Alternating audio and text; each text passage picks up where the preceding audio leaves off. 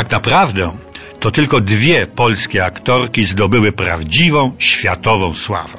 W teatrze Helena Modrzejewska, w kinie Pola Negri. Jak to było przed laty w zwyczaju, ich drogi życiowe obfitowały w burzliwe i barwne wydarzenia, szczególnie w pierwszym, wstępującym okresie ich kariery. W Odeonie zajmują się filmem i kinem, więc pochylę się nad losem Poli Negri, dokładniej nad narodzinami naszej wielkiej gwiazdy ekranu. Jak już powszechnie wiadomo, nazywała się Barbara Apolonia Chałupiec. Urodziła się w ostatnim dniu roku 1894 we wsi Janów, niedaleko Włocławka.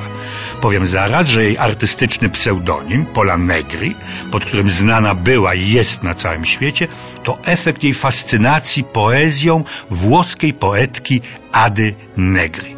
Ale radziłbym ostrożność w traktowaniu informacji dotyczących jej biografii zbyt dosłownie, zwłaszcza wtedy, kiedy podawała je do publicznej wiadomości sama wielka gwiazda. Była ona bowiem mistrzynią w tworzeniu własnej, no jak najbardziej efektownej legendy. Przytoczę kilka podstawowych informacji dotyczących na przykład jej szanownych rodziców. Jej matka miała być zubożałą szlachcianką z Kujaw. W rzeczywistości zajmowała się zarobkowo praniem, sprzątaniem i gotowaniem, dla jasności. Nie uważam tych zajęć za niegodne czy uwłaczające. Ojciec, trudniący się blacharstwem, miał przywędrować ze Słowacji, lecz wkrótce zaaresztowany został za działalność rewolucyjną. Dokumenty ale też niezbyt pewne. Mówią natomiast, że był cygańskim skrzypkiem, aresztowanym za drobne kradzieże. Znowu, dla jasności, nie mam nic przeciwko cygańskim skrzypkom. Inaczej ma się oczywiście sprawa z kradzieżami. I tak dalej, i tak dalej. Matka i córka przeniosły się w 1903 roku do Warszawy. Matka, kobieta prosta, niewykształcona i nieobyta ze sztuką, Potrafiła jednak dostrzec w córce talent sceniczny. Mimo mizerii finansowej posłała Polę do szkoły baletowej.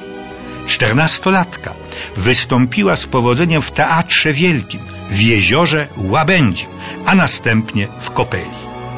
Stefan Krzywoszewski, znany i ceniony pisarz i publicysta, tak napisał po obejrzeniu Poli na scenie. Panienka była wiotka jak trzcina wiosenna.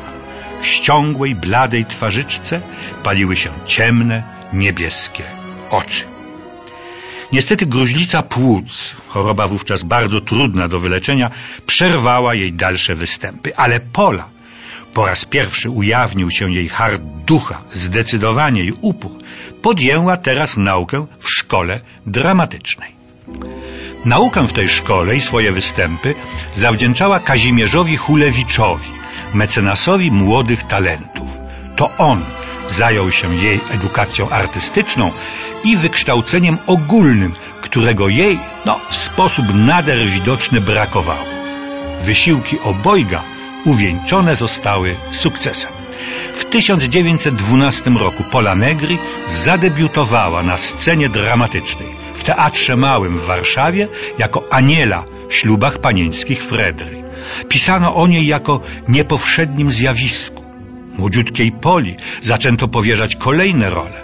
Recenzenci pisali o jej ambicji, urodzie, temperamencie i odwadze, niezwykłej zdolności do gry niemej, ale też o brakach w opanowaniu dykcji.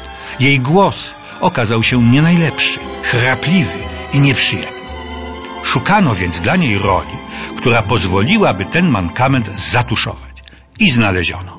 Pola zagrała główną rolę w pantomimie Sumurun. Sukces był ogromny, artystyczny i kasowy. Filmowcy nie mogli nie zauważyć takiego niepowszedniego zjawiska. Właściciel najpoważniejszej wówczas wytwórni filmowej Sphinx, Aleksander Hertz, zaproponował Polinegri główną rolę w filmie pod wielce wymownym tytułem Niewolnica Miłości.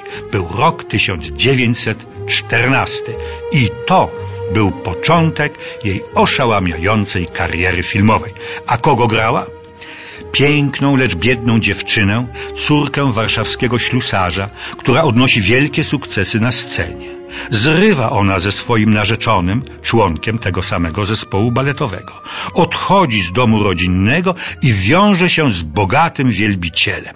Wiedzie odtąd życie beztroskie, radosne i dostatnie. Jednak porzucony przez nią narzeczony, zrozpaczony, wdziera się podczas występu Poli na scenę i zabija ją nożem, ciosem prosto w niewierne serce.